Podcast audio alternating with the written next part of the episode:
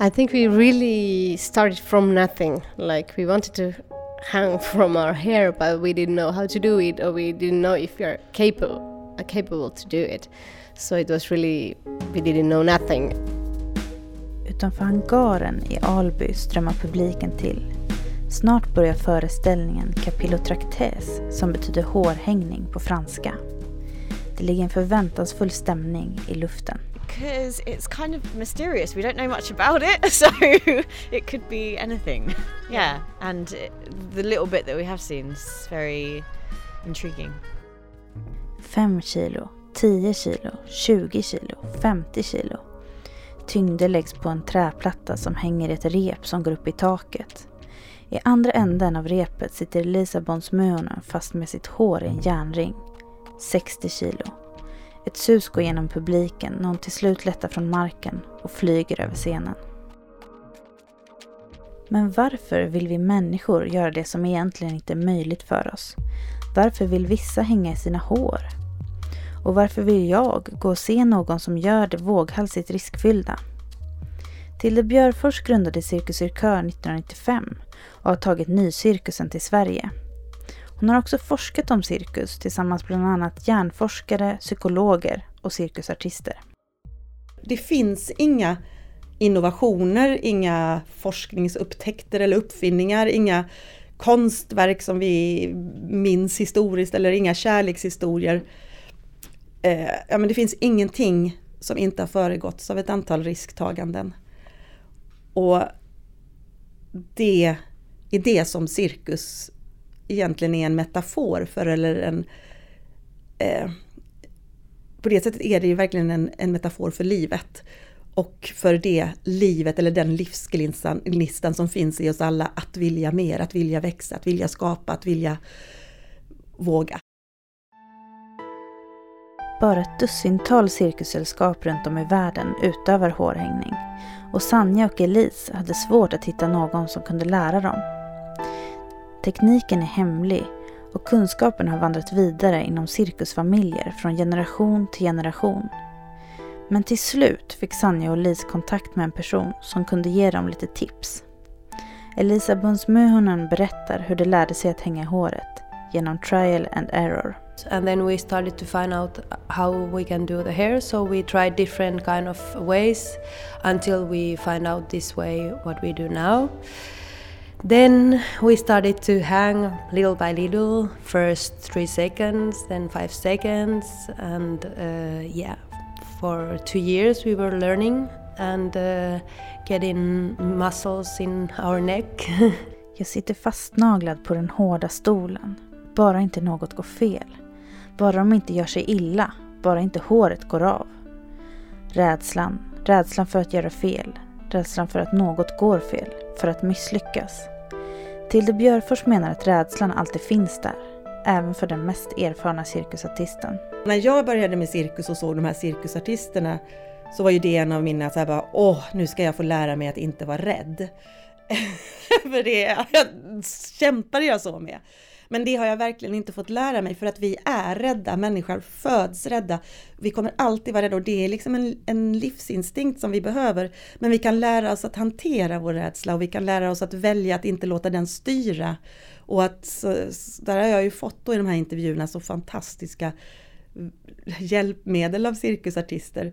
Bland annat någon som beskriver det som, ja men jag brukar ta rädslan i hand och så gör jag ändå. Elisa Bonsmönen hänger upp och ned högt upp i taket med benen virade runt ett rep. I hennes hår hänger Sanja Kosonen med armarna i kors. Elis ben darrar av styrkeprovet. Hela salongen håller andan och tiden stannar upp. Och det är något som händer när vi får möta varandra i, i den där totala närvaron. Man jag tycker i nyförälskelse eller så, då, då möter man väl varandra där hela tiden. och kanske med ens barn emellanåt. Men, men det, är, det är lätt att, att låta världen bara zooma förbi. Ett mänskligt hårstrå kan i sig själv bära runt 100 gram. Med rätt teknik kan ett helt hår tillsammans bära flera ton. Det sköra blir starkt tillsammans. Men Sanja Kosonen berättar att det är viktigt att håruppsättningen blir exakt rätt för att tyngden ska fördelas så jämnt som möjligt över huvudet. For the hair we start three hours before the show because we have to have really the hairdo perfectly well. And if we don't, we have to redo it. So we have to have a lot of time and a lot of concentration to, to manage. När jag frågar Sanja och Lis om faran med deras yrke svarade att det bara handlar om att träna rätt. Och att cirkusartister väljer att inte fokusera på riskerna är något som Tilde Björfors också upplevt. Om man tittar, skrapar ner vad cirkus handlar om så är det ju eh, ligger grunden i risken. Men sen när man intervjuar en cirkusartist så, och frågar dem rakt på om risker så är det väldigt få som vill Nej men jag tar inga risker, det är ingen större risk att göra det jag gör även om jag flyger 10 meter över marken. Eh, än att, det är ingen större risk att göra det än att gå ut genom dörren på morgonen, alltid är en risk. Eh, och jag blev så här, men herregud, jag måste, hur ska jag hitta in och prata om det?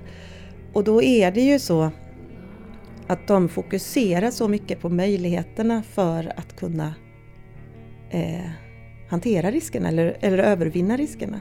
Och har, har de en dröm eller en idé om något som kanske är helt omöjligt, ingen annan har gjort förut, så bryter man ner den där stora enorma risken som man inte skulle klara av till olika eller mindre steg så att man kan hålla möjlighetsfokuset hela tiden. Och där gjorde vi massa mätningar, till exempel språngbräda som är som en gungbräda där man skjuter varandra sju meter upp i luften. Gjorde vi massa mätningar och där blev det helt tydligt att när man fokuserar på risken så kommer man inte alls lika högt som när man fokuserar på möjligheten. Elise och Sanja sitter fast i håret i varsin stålvajer till taket. Sanja spelar elgitarr och Elise bas. Samtidigt svävar det upp och ner i luften. Punklåten blir vildare och vildare i takt med de högre och högre hoppen. Högre och högre upp i luften.